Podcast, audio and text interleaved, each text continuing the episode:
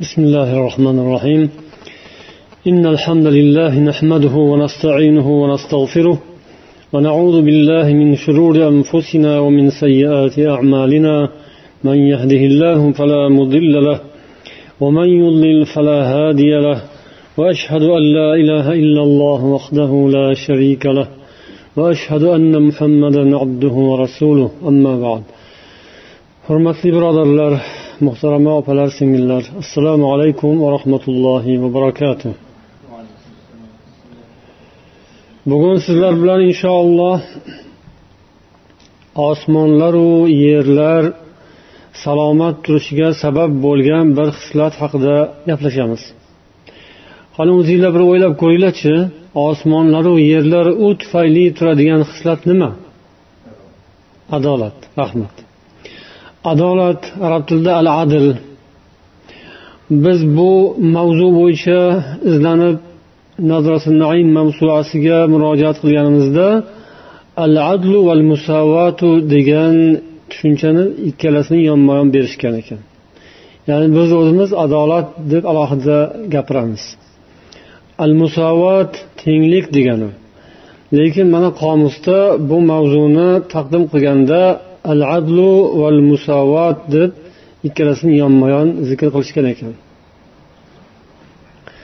adolat va tenglik demak ikkovi bir biriga bog'liq aloqador bir birini to'ldirib turadigan doimo bir biriga bog'liq holda ko'pincha ishlatiladigan so'z alloh taolo qur'oni karimda nahl surasida to'qsoninchi oyatda marhamat qilgan أعوذ بالله من الشيطان الرجيم إن الله يأمر بالعدل والإحسان وإيتاء ذي القربى وينهى عن الفحشاء والمنكر والبغي يعظكم لعلكم تذكرون alloh shubhasiz adlga ehsonga va yaqin qarindoshlar haqqini ado etishga buyuradi fahsh uyat narsalardan munkar ishlardan zulmdan qaytaradi sizlarga nasihat qiladi Shoyatki nasihatni qabul qilsalaringiz degan. Bu yerda murojaat musulmonlarga to'g'ridan to'g'ri mo'minlar musulmonlarga alloh taolo adlni va ehsonni buyuryapti. Bu adl va ehson shunday bir ulug' xislatki alloh taolo buni barchaga xitob qilgan mana shu xislat bilan va islom dinimiz barcha ta'limotlardan barcha ittifoqu uyushmayu yoki kelishuvlardan o'zib hammadan avval bu tushunchalarni insoniyatga taqdim qilgan.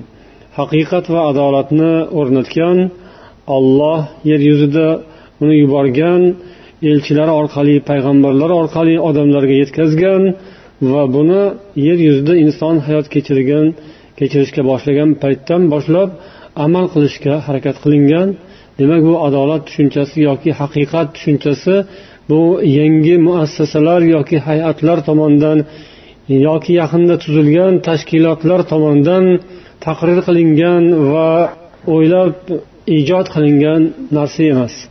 Bu qadimiy haqiqat balki azaliy haqiqat allohning o'zi bilan birga mavjud qoyim bo'lgan haqiqat. Quyiroqda ham inshaalloh keladi. Al adl allohning ismlaridan biri. Allohning o'zi bilan birga mavjud bo'lgan ism sifatlardan biri. Ana shu narsa siz bilan bizga mo'min musulmon odamlar sifatida nihoyatda muhim. Alloh taolo adolat va haqiqatni barchaga barobar ekanini marhamat qilgan. Islom dinimiz adolat va haqiqat masalasida musulmonu kofirga insonu hayvonotu barchaga bu qoidani farz qilgan. biz yuqoridagi oyatda musulmonlarga bo'lgan xitobni ko'rdik endi kofiru mushriklarga ham nisbatan muomalada adl bilan turishni olloh buyuradi moida surasida olloh aytgan يا أيها الذين آمنوا كونوا قوامين لله شهداء بالقسط ولا يجرمنكم شنآن قوم على ألا تعدلوا اعدلوا هو أقرب للتقوى ey iymon keltirgan zotlar alloh taolo uchun adolat bilan guvohlikni qoyim qilingiz deb buyuradi va bu oyatda yana sizlarni bir qavmga bo'lgan dushmanligingiz adolat qilmasligingizga sabab bo'lmasin. Adolat qilingiz adolat bu taqvoga yaqindir deydi. Bu oyatning tafsirida mana asad havmat yozadilar adil bilan guvoh bo'lingiz ya'ni alloh huzurida haqiqatga guvohlik beringiz. Dunyoda huquqlarni haqqu huquqlarning o'lchovi adolatdir. Qachonki agar javr ya'ni sitam zulm paydo bo'ladigan bo'lsa adolat chetlashadigan bo'lsa unday joyda ishonch yo'qoladi. Odamlarni dilidan ishonch bir biriga bo'lgan hurmat ketadi. va o'rtada zulm buzg'unchiliklar jinoyatlar tarqaladi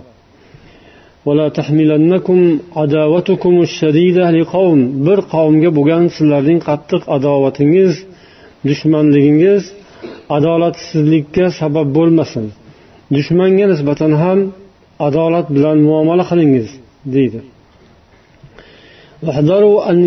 أن يجازيكم بالعدل ala tarkikum al qiyama bil adl sizlar ollohning sizlarga nisbatan adl bilan muomala qilishdan ehtiyot bo'linglar.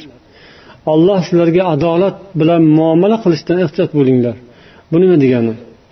Ala tarkikum al qiyama bil adl adolatni qoyim qilishdan beparvo bo'lib adlni tark qilsangiz shuning muqobilida ollohning adliga uchraysiz.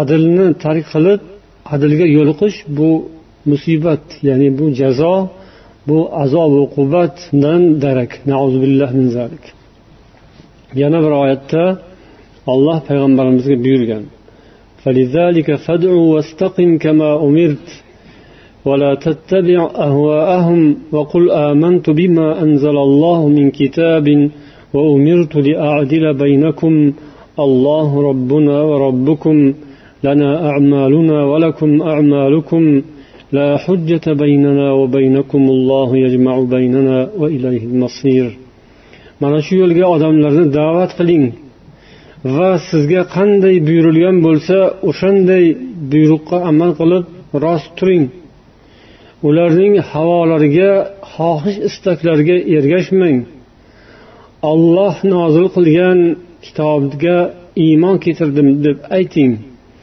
Va sizlarning o'rtangizda adolat qilishga buyurilganman deb ayting deb buyuradi alloh taolo payg'ambarimizni. Ya'ni mushriklar va kofirlarga ham mana shu hukmni e'lon qilishga buyurdi.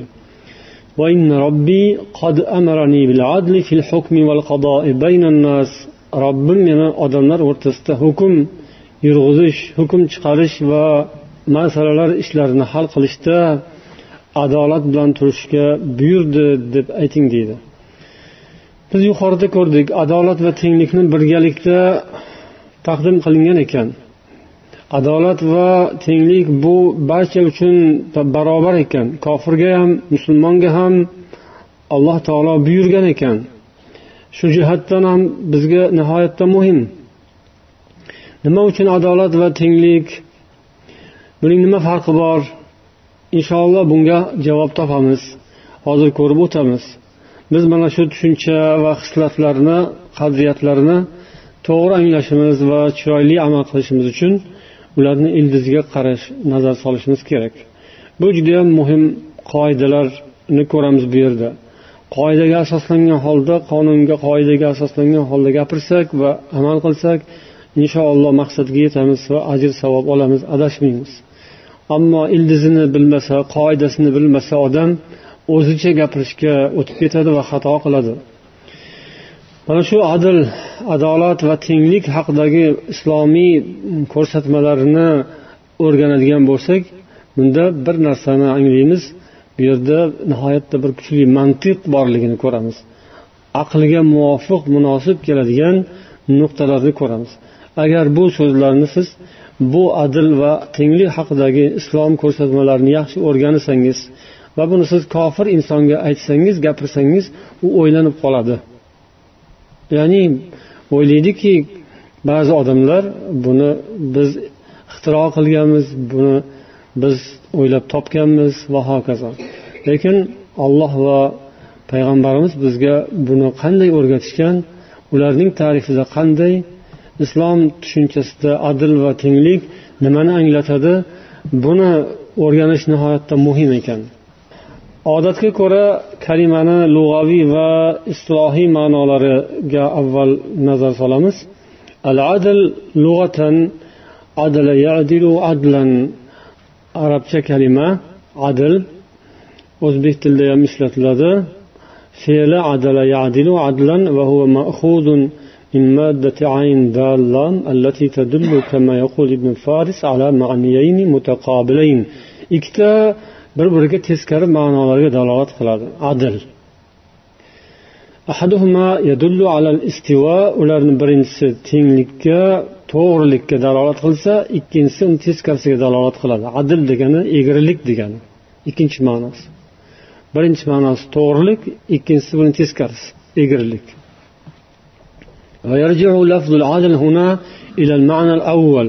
hozir biz ko'rayotgan mavzu qaysinisini tanlaydi birinchisini tanlaydi المعنى الأول وإذا كان العدل مصدرا فمعناه خلاف الجور endi bu adl masdar ya'ni fe'lni noaniq ko'rinishi shakli deb gapiradigan bo'lsak masdar bu javrning ziddi javr javri ham o'zbek tilida ishlatamiz to'g'rimi? Javrustam deymiz. Javr qilib qo'ydi deydi. O'ziga joniga javr qildi deydi. B bilan ham ishlatiladi javr qildi deb. Lekin aslida demak o'zagi vov bilan ekan javr. Zulm degani nohaqlik. Shuning ziddi adl o'zbek tilini izohli lug'atiga mana shu moddaga undan ham ko'rib o'taylik. Adl adolat odillik haqqoniylik to'g'rilik degan ma'noni bergan izohda lug'atda. Yana misol tariqasida adl turmoq haqiqat tomonda turmoq deb ta'rif berilgan.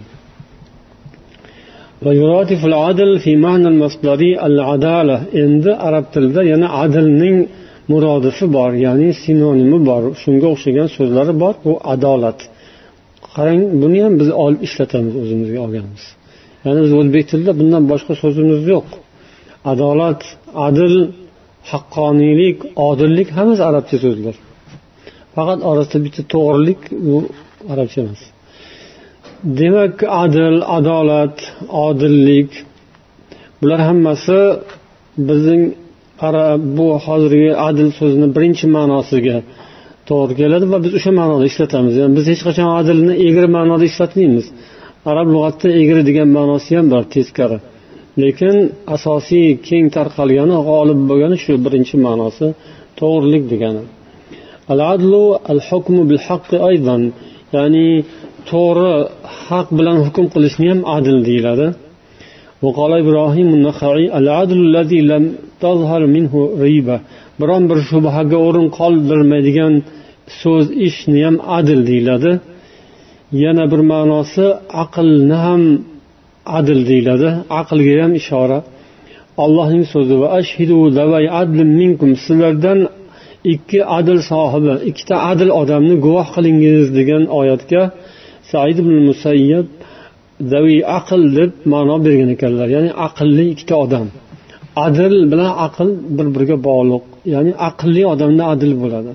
Qaysi yerda adil bo'lmayotgan bo'lsa o'sha yerda aql ham noqis bo'ladi. Aqli noqisligidan kelib chiqadida adilsiz adolatsizlik zulm. Agar aqli butun bo'lsa u odam zulmni oqibati baribir bo'lishini biladi va undan o'zini tiyadiku. Demak adilning ma'nolarida bu ham bor. Demak arab tilida ko'p ma'nolarni bildiradi. Adil kalimasi biz lekin hozir mana shu adolat ma'nosidagi jihatini olib o'rganamiz.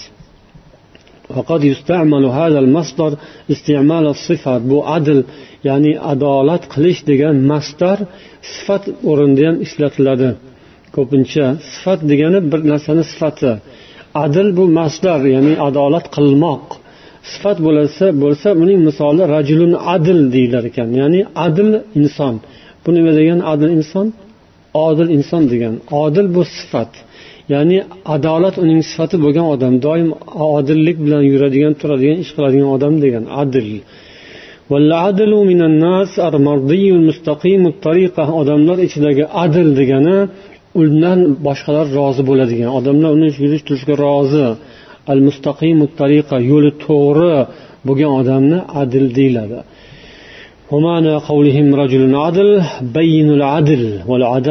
Ochiq oydin adolatli ekanligi ma'lum bo'lib turgan odam va muqnaun fi shahada guvohligi qabul qilinadigan odam. Adil adil degan ibora ko'pincha mana shu ma'noda keladi. Ya'ni musulmonlarni omma musulmonlar adil deb qabul qilinadi. Ya'ni modomiki ulardan bir shunga xalal beradigan narsa zohir bo'lmagan bo'lsa musulmon odamni adil deyiladi ya'ni guvohligi qabul bo'ladigan odam deyiladi va undan ba'zi bir g'ayri tabiiy g'ayri shar'iy g'ayri insoniy narsa sodir bo'lsa keyin hukm o'zgarishga yuz tutadi العدل اصطلاحا اصطلاحي معناته هو فصل الحكومة على ما في كتاب الله سبحانه وتعالى وسنة رسوله صلى الله عليه وسلم الله kitobida kelgani va payg'ambar sollallohu alayhi vasallam sunnatlarida kelganiga muvofiq ravishda hukm chiqarish hukm yuritishni adil deyiladi. Yolg'iz o'zining fikri bilan emas. Yolg'iz o'zini fikri bilan ham odam so'z aytadi lekin u olloh va payg'ambarning so'zidan chegarasidan chiqmagan bo'lishi kerak.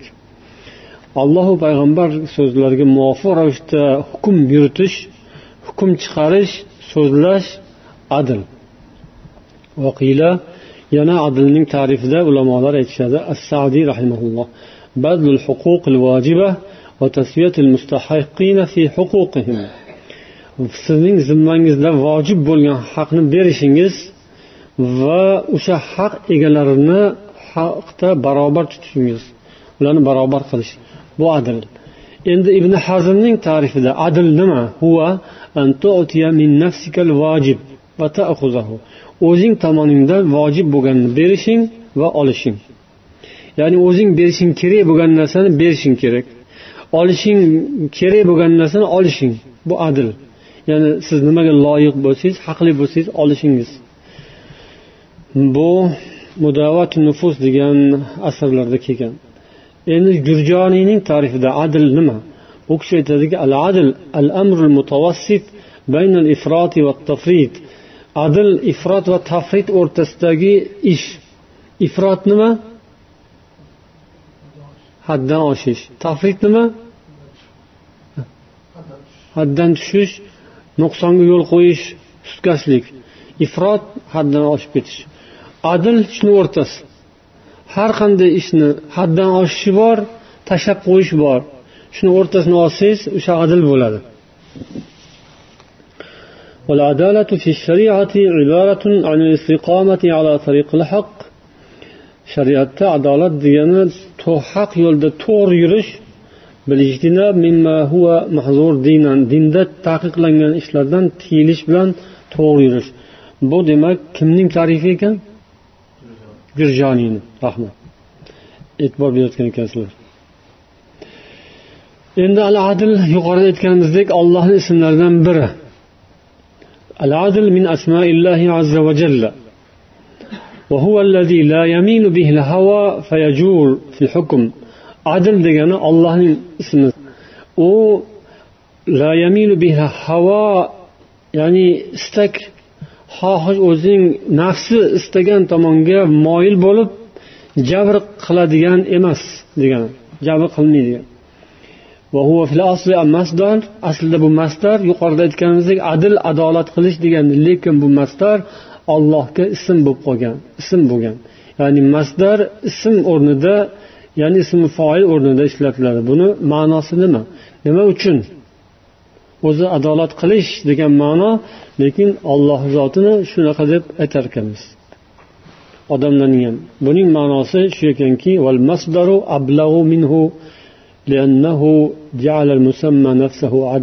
bu ma'nosi nihoyat darajada yetuk to'liq va mukammal kuchli bo'ladi shunda. Ya'ni adolat qilish degan so'zni bir zotga ot qilib qo'ysa adolat ham shu adolat qilish ham shu degani hammasi shunda degani adolat qilish o'zi mana shu degani olloh allohni odil degan ismi yo'q allohni odil deyilmaydi odamni odil deyiladi ollohni esa al adil deyiladi endi hamma adil shu degani hamma adolat shunda degani يقول الغزالي رحمه الله من أراد أن يفهم vasallohi azza va jalla kimki ollohning sifatini to'g'ri tushunishni xohlasa deydilar imom g'azzoliy adil sifatini tushunishni xohlasa alloh taoloning fe'llarini bilsin fe'llarini idrok qilish kerak. Ollohning fe'li ya'ni san'ati ollohning qilgan ishlarini yeru osmonlarning hamma hammasini idrok qilsin bir.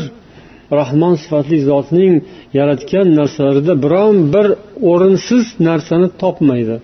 Biror bir kamchilik nuqson topa olmaydi. Kamchilik deb o'ylagani ham komillik bo'lib chiqadi agar yaxshiroq o'ylasa. Ya'ni yomon narsalar bor yoqmaydigan narsalar bor dunyoda xunuk narsalar bor va hokazo jahlingizni chiqaradigan narsalar bor. Agar nuqson topaman desangiz lekin tuzukroq qarasangiz o'sha komil bo'lib chiqadi. O'shani ham o'rni borligini bilasiz. Ya'ni e man bekor yomon ko'rib yurgan ekanman buni. Buni ham o'zi joy o'rni bor ekan bu ham kerak ekan deb qolasiz. Hatto shaytonni ham o'rni bor bu dunyoda. Hamma yaramas yomonni ham kofirni ham munofiqni ham hamma narsani o'rni bor.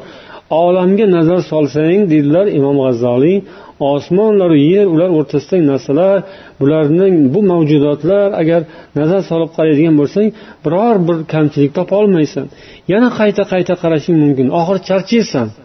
Charchab tan berasan oxirida subhanalloh deysan ya'ni alloh taoloni biror bir ishi nuqsonli emas ekan o'rinsiz emas ekan deysan inson ko'rgan narsasi uni hayratga soladi.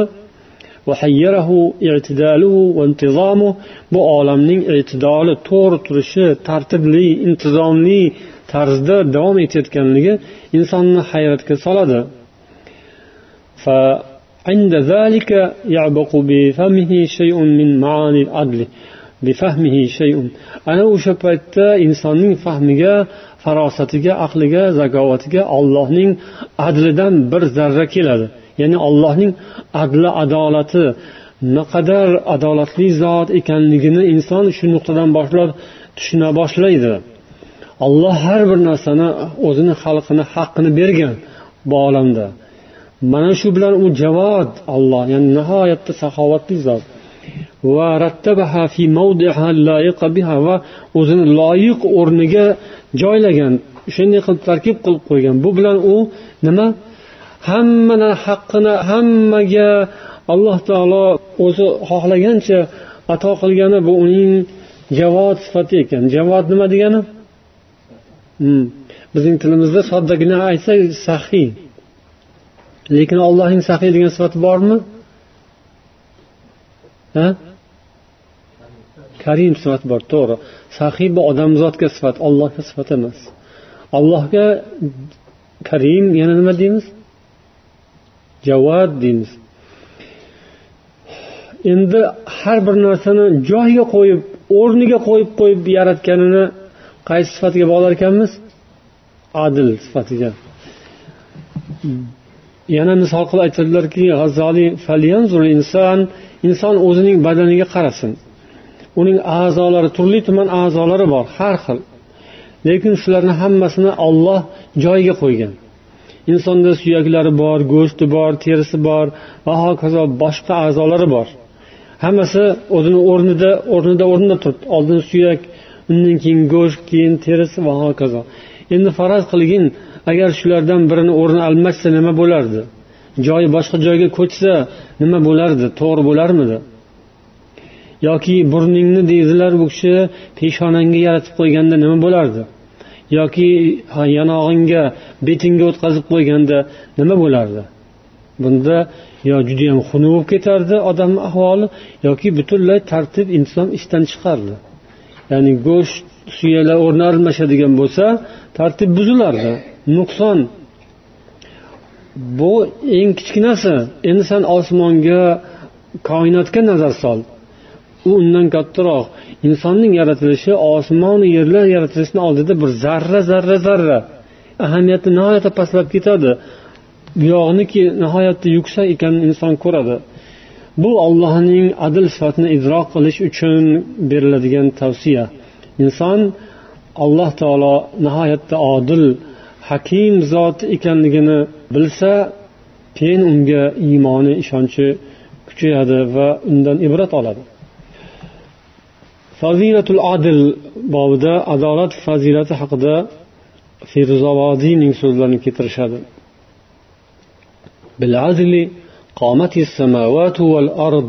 Mana shu adl bilan osmonlar va yerlar turibdi. Haqiqatdan joyida turgani uchun turibdida alloh qanday chiroyli yaratib qo'ygan bo'lsa muntazam bir biriga muvofiq mutanosib shu mutanosiblik bilan necha milliard yillar hech kim bilmaydi bir xilda davom etyapti. Bu adl bilan osmonu yerlar tik turibdi o'zini o'rnida turibdi degani. Bu moddiy jihati bo'lsa uni ma'naviy jihati ham bor hali. Endi biz adolatning turlariga kelamiz. Anvaul adl va anhau. Bu ham e'tiborli masala birodarlar. Bunga jiddiy qarash kerak. Ya'ni shunda biz to'g'ri tushunamiz. Adlning ikki xil turi bor ekan yaxshilik va yomonlik. Birinchi qismi aql. Inson aqliga muvofiq keladigan adl ikkinchisi shariatga muvofiq shar'iy jihatdan adl bu qanday bo'ladi?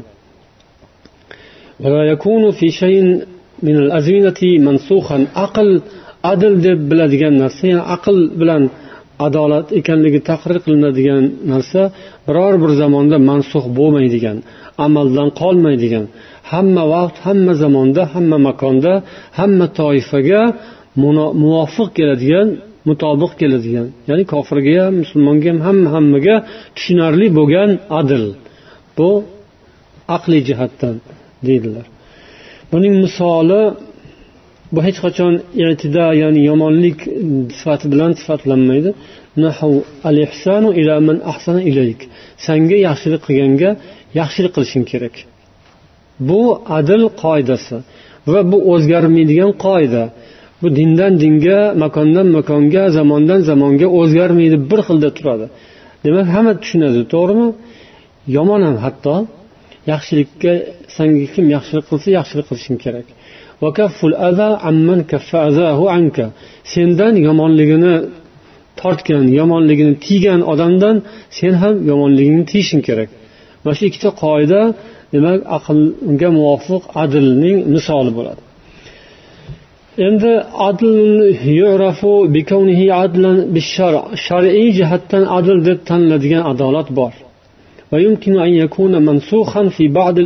Bu ba'zi zamonlarda mansux bo'lishi mumkin hukmdan qoldirilishi mumkin. Ba'zi zamonlarda makonlarda o'zgarishi ham mumkin boshqa shaklga o'tishi mumkin bo'lgan. Bu shar'iy ya'ni qonun jihatdan shar'iy degani qonuniy degan ma'nosi ham. Shariat bu qonunlar majmuasi. Qonunga ko'ra adl deyiladigan va u o'zgarib turadigan tushuncha. Kalqisos qasos masalasi masalan birovdan qasos olish. O'ldirganni o'ldirish yoki boshqa. Murtad murtad bo'lgan odamning molini musodara qilish. Buning isboti baqara surasida bir yuz to'qson to'rtinchi oyatda olloh aytadi kimki sizlarga dushmanlik qilsa hujum qilsa tajovuz qilsa sizlar ham unga o'shani tajovuz qilgani miqdorida tajovuz qilingiz. Ya'ni unga qaytaring o'sha qilgan ishini o'ziga. Yana bir joyda kimki yomonlik qilgan bo'lsa yomonlikning jazosi yomonlik. Ya'ni o'sha ishiga o'xshagan ish bilan javob qaytariladi. Ya'ni kim qanaqa zarar yetkazgan bo'lsa o'shanaqa. Ya'ni o'ldirgan bo'lsa o'ldirish va hokazo.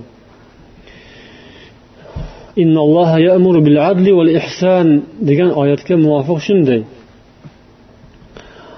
Adl chunki adl bu o'sha mukofot berishda yoki jazo berishda barobarlikni ta'minlashdir. In xayran fa xayr va in sharran fa shar. Agar yaxshilik qilgan bo'lsa yaxshilik bilan javob qilinadi yomonlik qilgan bo'lsa yomonlik bilan. Ya'ni bu yerda ikkinchi va ikkinchi o'rindagi yomonlik bu jazo. Ya'ni asli yomonlik niyatida emas balki uni qilgan yomonligiga jazo. Uning uchun yomonlik. Ya'ni o'shani ko'rayotgan odam uni yaxshi demaydida yomon deydi va o'shani ushlab oladi. Manga yomonlik qildi deydi mani urdi deydi yo manga qattiq gapirdi manga bunaqa jazo berdi. Ha san o'zing nima qiluvding degan savolni ko'mib tashlaydi uni yo'q o'chirib tashlaydi.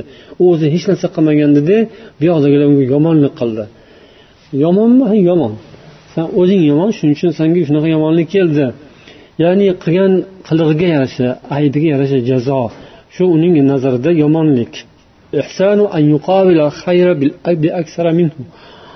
Ehson esa yaxshilikka undan ko'ra ko'proq yaxshilik bilan javob qaytarish. Olloh buyurgan olloh sizlarni adlga va ehsonga buyuradi. Adl yuqorida o'tdi. Ehson esa qilingan yaxshilikdan ko'ra ko'proq yaxshilik bilan javob qaytarish. Yomonlikni esa ozroq bilan javob qaytarish. Yaxshilik qilgan bo'lsa ko'proq qilib qaytarishingiz kerak. Yomonlik qilgan bo'lsa ozroq qaytarishingiz kerak. Iloji boricha ya'ni o'sha adil barobar qilishingiz kerak. Ehson kamaytirishingiz kerak. Xohlasangiz kechib yuborishingiz mumkin. Agar uni zarari atrofga urmasa. Ehson shu. Adl bilan ehsonning farqi demak adlning ichida o'zi bo'linishini ko'rdik endi adlni qanday joriy qilib bo'ladi degan masalani qo'yishadi mualliflar imom movardiy alloh rahmat qilsin movardiyni juda ko'p eslaymiz u kishining axloqiy mavzuda aqidaviy hatto siyosiy mavzularda bu kishini juda ko'p asarlari bor قال الماوردي إن مما تصلح به حال الدنيا قاعدة العدل الشامل olam hayoti dunyo hayoti yaroqli sog'lom holda davom etish shartlaridan biri bu al adlu shamil barchani o'z ichiga oladigan adildir adildir. Allazi yad'u ila al-ulfati va yab'asu ala at-ta'ati bu adil insonlarni inoqlikka olib keladi. Inoqlik bo'lish shartlaridan biri ham adil. Toat itoat haqqa itoatni ta'minlaydi adil. Mamlakat obod bo'lishini ta'minlaydi adil. Mol dunyo ko'payadi o'sadi. Nasl naslu nasab ko'payadi zurriyotlar solih zurriyotlar ko'payadi. Sulton sulton omon bo'ladi ya'ni mamlakat davlat omon bo'ladi. Davlat o'zidan qo'rqsa adil bo'lsin. وليس شيء أسرع في خراب الأرض ولا أفسد لضمائر الخلق من الجور bu olamni yer yuzini harob eng tez harob qiladigan va xalqni vijdonini xalqni tabiatini eng tez buzadigan narsa javrdan ko'ra tezroq buzadigan narsa yo'q javr zulm tez harob qiladi yer yuzini odamlarni ham tez buzadi Chunki buni chegarasi yo'q zulmni chegarasi yo'q. Biron bir chegarada to'xtamay davom etadi ziyoda bo'lib ketadi. Va uning oxiri yetib boradigan g'oyasi ham mo'ljallagan g'oyasi ham yo'q. Chunki u zolimlar bilmaydi nima qayoqqa ketayotganini. O'zi xohlamagan o'zi o'ylamagan zulmni qiladi. Bugun bir zulmni boshlasa ertaga endi o'shani davom ettirish uchun undan battarroqni qilish kerak. Shunday qilib xaroba bo'ladi. endi adolat qanday qilib joriy qilinadi degan masala ustida yana davom etadilarki ونقل عن بعض البلغاء قوله إن العدل ميزان الله الذي وضعه للخلق وعدل الله خلايق ustiga qo'ygan tarozusi o'lchovi للحق نصبه للحق فلا تخالفه في ميزانه uning mezoniga xilof yo'l tutma xilof ish qilma.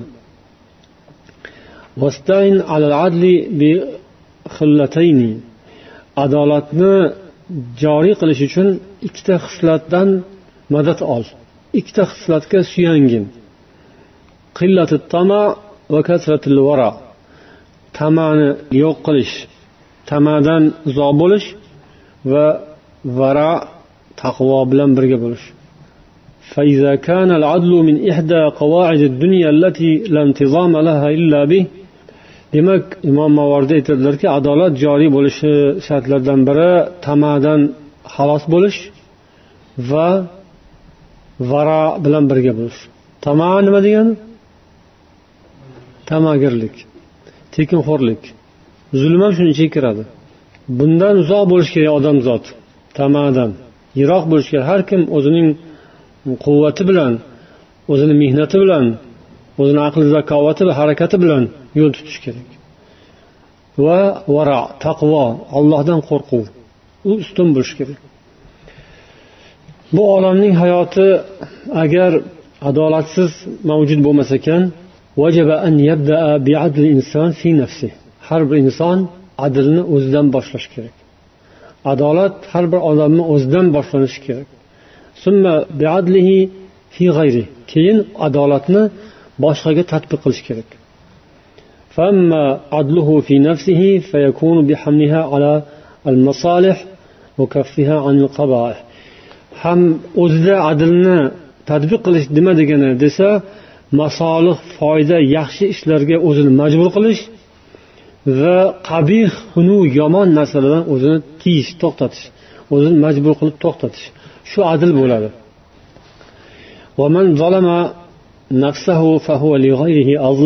Kimki o'z nafsiga zulm qilgan bo'lsa u o'zidan boshqaga ko'proq zulm qiladi. O'ziga eng aziz kim? O'ziku eng azizni xorlab eng azizga zulm qilayotgan ekan o'zidan boshqasi azizligi nariroqdagi pastroqdaku unga ko'proq zulm qiladi. Adabu dunyo va din. demak odam o'zida adolatni joriy qilsa keyin boshqada joriy qilish mumkin ekan o'zgaga adolat tadbiq qilishni uch xil holati bor فقد تنقسم حال الإنسان مع غيره على ثلاثة أقسام عدل الإنسان في من دونه o'zidan quyi tabaqada bo'lgan odamga adolat qilish adlul inson maa favqahu maa man favqahu o'zidan yuqorida bo'lgan odamga adolat qilish. Adlul inson maa akfaihi. O'zi bilan teng bo'lgan tengqurlarga adl bilan munosabatda bo'lish. Bu qanday bo'ladi? Al qismul avval birinchisi ya'ni amalul adlul inson o'zidan pastdagilarga adolat qilish.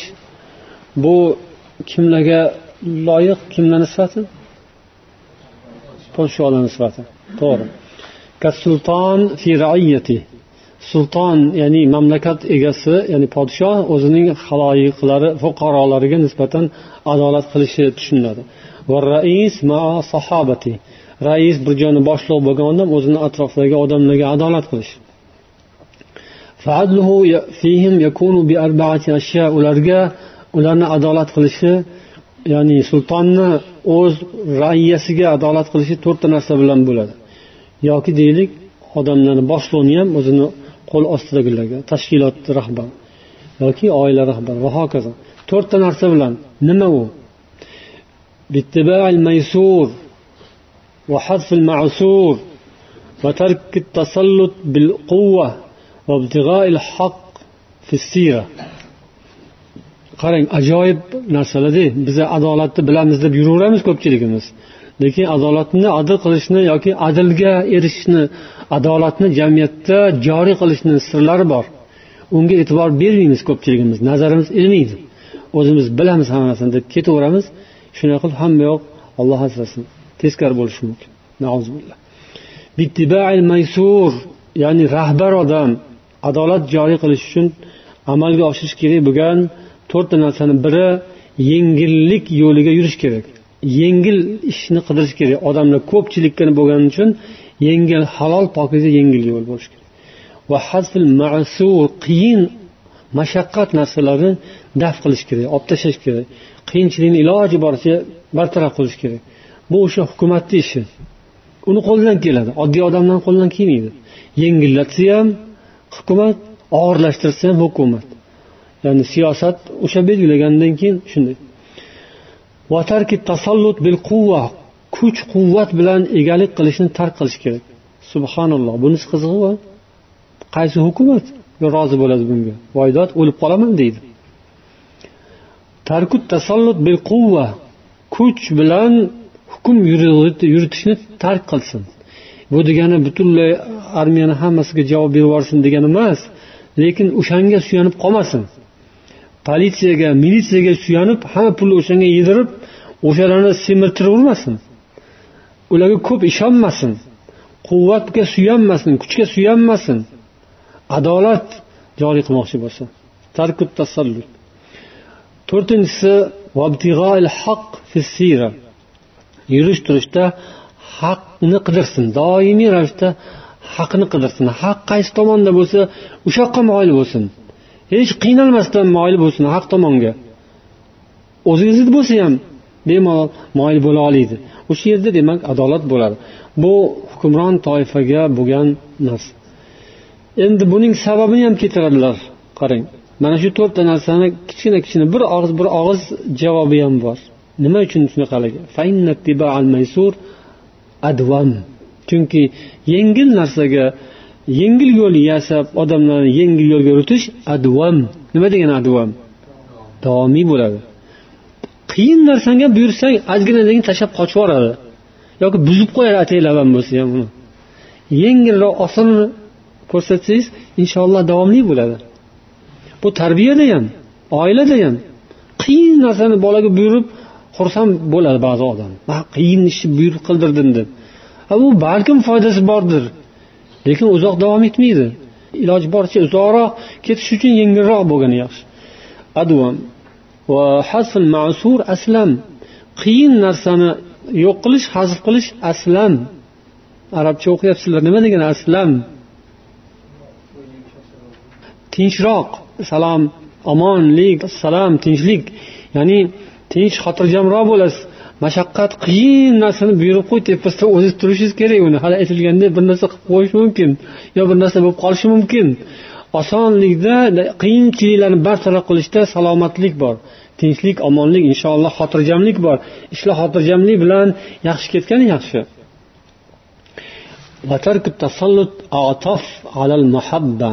Haligi hukmron kuch bilan quvvat bilan hukmronlik qilishni tark etishda alal mahabba muhabbatga sabab bo'ladi. Ya'ni bir birini yaxshi ko'rib bir biriga mehr muhabbat bilan munosabatda bo'lib keyin mehr muhabbat bilan qiladi ish qiladiganlar ham.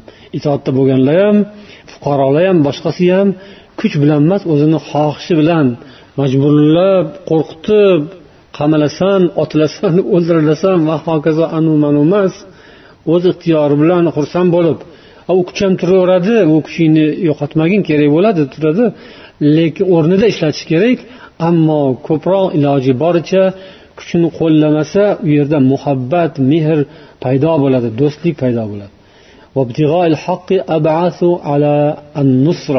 Endi haqqa ergashishchi haqqa ergashish nusrat keltiradi.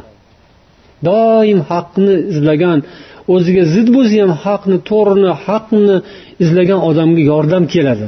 Nusrat keladi ollohdan mana qisqachasi shu. Ya'ni bu podshohlarga taalluqli bo'lgan ko'plari amal qilmaydigan ular yomon ko'radigan so'zlar. Endi ikkinchisi al adl inson o'zidan yuqorida bo'lgan odamga nisbatan adolat qilish qanday bo'ladi?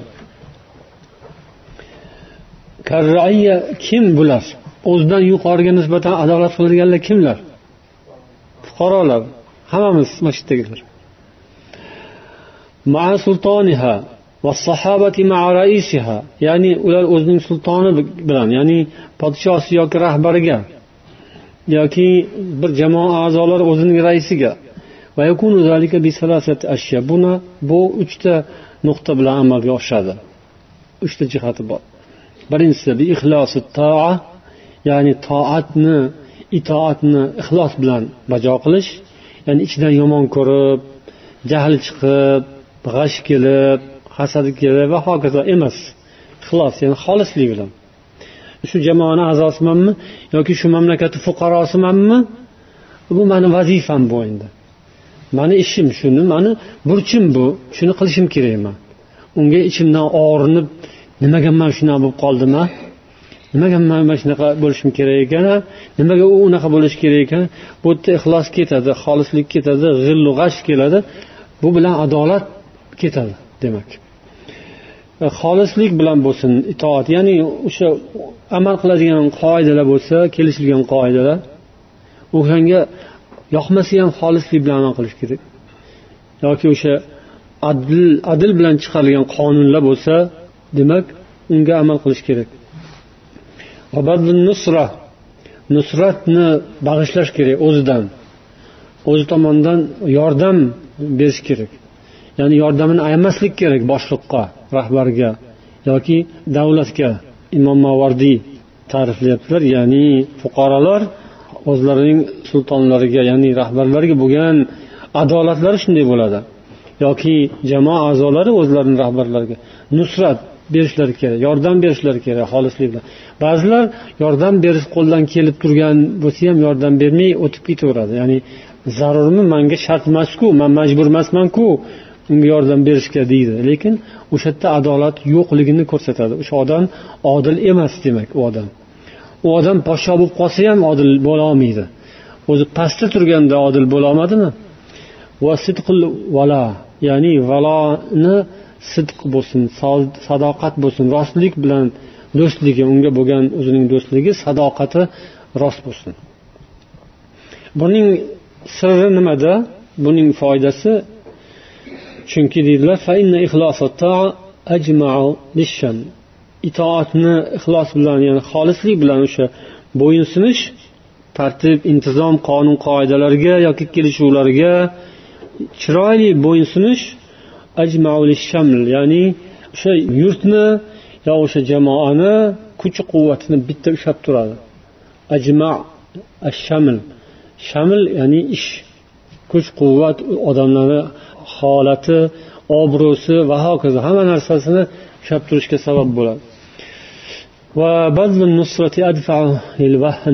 ya'ni nusrat o'zidan yordamini ayamaslik bu bo'shashish suskashlik yemirilishni oldini oladi. O'sha xoh davlat bo'lsin xoh mamlakat xoh jamoat bo'lsin o'sha yemirilishi mumkin qulashi ham mumkin. Shuni oldini oladi ya'ni pastdagi odamlar o'zini yordamini ayamasliklar valoni xolis qilish ya'ni do'stligini xolis tutib borish shunga sadoqatini xolis ushlab borish suizanni yo'q qiladi. Ya'ni bir biridan shubha gumon bir biriga yo'q qarash ichidan nimalardan o'ylab xavotirlanib bir biriga ishonmaslik ishonchsizlik shunday narsalarni ketkazadi. وهذه أمور إن لم تجتمع في المرء تسلط عليه من كان يدفع عنه agar raiya bo'lib kimki mana shu ishlarga amal qilmaydigan bo'lsa deydilar uni mudofaa qilib himoya qiladigan uni ustidan yovuzlik bilan billah kuchini hukmini o'tkazishga olib keladi ya'ni himoya qilayotgan uni egallab o'zi undan himoya qilinadigan odamga aylanib qoladi. Uni himoya saqlayotgandan saqlanishga majbur bo'lib qoladi. Ya'ni do'st dushmanga aylanadi degan so'z. Oldin do'st bo'lib bir birini himoya qilayotgan bo'lsa endi bir biridan himoya qilinishi kerak bo'lib qoladi. U ham bu ham o'zini bir biridan himoya qilinishga aylanib qoladi agar mana shu davom etadigan bo'lsa hammasini o'rab turgan nizom yechilib ketadi. Va fasad salohi shamil hammalarga taalluqli bo'lgan salohiyat ya'ni pokizalik yo'q bo'ladi. Buzg'unchilikka aylanadi nauzubillah. Endi inson o'zining tengqurlari bilan bo'ladigan adolati bilan inshaalloh so'zimizni tugatamiz. Al salis adlul inson birodarlar tengqurlar do'stlar ya'ni bir biridan farq qilmaydigan past pasti baland uncha ham ko'p farq qilmaydigan ya'ni biri e, sulton biri fuqaro emas. Hammasi barobar. Mana shu yerdagi hammamiz ya'ni adlul inson va yakunu bu ham uchta narsa bilan bo'ladi. Birodarlar o'zaro tengqurlar bir birlari bilan adolatli munosabatda saqlanishlari uchun uchta narsaga e'tibor berishlari kerak. بترك الاستطالة va الإدلال idlal va ترك الاستطالة استطالة ترك istitolatni tark qilish istitola degani o'zini katta olish o'zini katta o'zini o'ziga bir bino qo'yib qalbida ujub bor ichida kibr bor o'zini sal teparoqda fahmlaydi hamma bilan birga yurgan bo'lsa ham oyog'im yerdan sal balandroq yuribdi mana hozir deb o'ylaydi. Man osmonga sal yaqinroqman boshqalarga qaraganda deb o'ylaydi. Bu odamda adolat bo'lmaydi u yerda adolat ketadi. Adil emas u odam. Ya'ni adil to'g'ri deganimni o'rta deganimni u odam o'rtada emas hozir. Tarkul istitola kerak. O'zini katta olishni yo'q qilsin bas qilsin. Hamma bilan barobar ko'rsin o'zini. Birodarlar bo'lsa. Ya'ni tengqurlar ikkinchisi va mujanabatil idlal.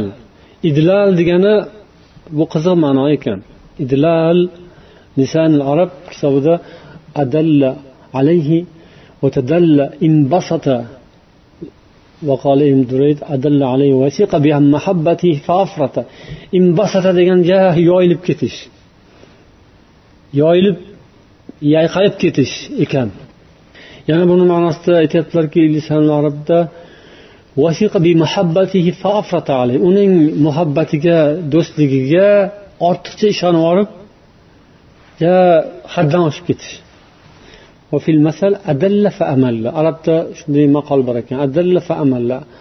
Ya'ni yoyildi malol keldi. Ya'ni yoyilib jonga tegdi. Buni endi qisqacha qilib tarjima qilsak aytish mumkinki ya'ni tarkul idlal erkalanmaslik bir biriga taltaymaslik malol keladigan ishni qilmaslik. Tengqurlar bir biri bilan haddan ziyoda yoyqalib taltayib ketish kerak emas ekan. Bu qanaqadir chegara bo'lishi kerak. Bir biriga haddan tashqari shu muhabbatga ishora ya'ni ko'taradi. Mana haddim sig'adi manikini ko'taradi deydiyu ba'zi odamlar. Manikini ko'taradi deb birodar ustiga qo'yaverish kerak emas. U adildan adil mezonidan chiqib ketadi. Va kaffil aza ozor yetkazmaslik. Bir biriga ozor beradigan ishdan saqlanish kerak. Adil shuni taqozo qiladi.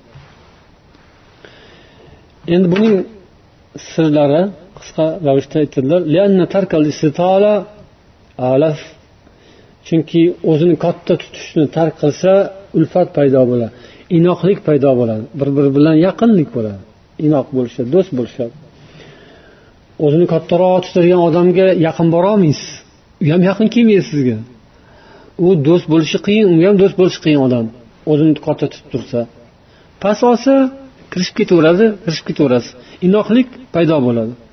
Va bu idlal idlalni tark qilish esa ataf odamda mehribonlik paydo bo'ladi. Ya'ni o'zini ustiga ustingizga tashlab yubormasa bir birini ustiga tashlab yubormasdan o'zini sal tiyib tursa o'sha yerda mehribonlik paydo bo'lib o'zingni keyin intiladi. Hoy birodar nega unaqa qilasiz bunaqa qilmaysiz deb u tomondan bo'lishi agar bir tomon juda yoyilib chegaradan chiqib ketsa u tomon malol keladi keyin. Voy bu buja anaqa ekanku chegarani bilmas ekanku va hokazo.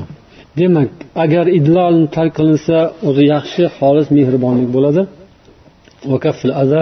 ansof ya'ni aziyatlardan tiyilish insofni bildiradi insofli odam demak chegarasini biladi وهذه أمور إن لم تخلص في الأكفاء أسرع فيهم أسرع فيهم تقاطع الأعداء أسرع فيهم mana shu ishlar agar tengqurlar o'rtasida mavjud bo'lmas ekan amalda bo'lmas ekan ularda xuddi dushmanlarga o'xshagan uzilish bo'lib fasadu va afsadu o'zlari ham buzilib boshqalarni ham buzishga sabab bo'lishadi ya'ni munosabatlar buzilib ketadi deydilar billah alloh taolodan barchamizga adil sifatini to'la to'kis chiroyli nasib bo'lishini so'rab qolamiz سبحانك اللهم وبحمدك أشهد أن لا إله إلا أنت أستغفرك وأتوب إليك السلام عليكم ورحمة الله وبركاته